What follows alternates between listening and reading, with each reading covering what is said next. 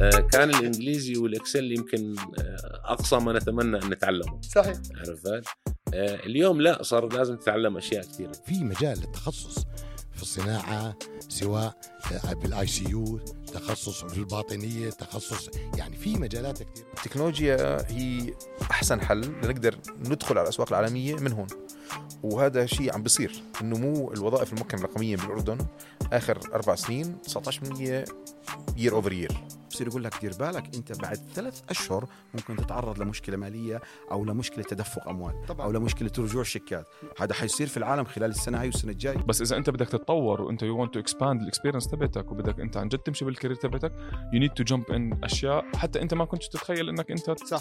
تاخذها تعين عندي مندوب جديد لاحظتها مع مع مع الوقت بلشت الاحظها بشكل لافت اطلب منه شغله يعمل لك اياها ولا تقول له كيف اتركه يكتشفها تنصدم بالطريقه اللي فكر فيها بذا ايزيست واي ليحقق لك اياها حلو. وبالاخير حققها حلو ف... ف... وهي يمكن رساله مهمه ل...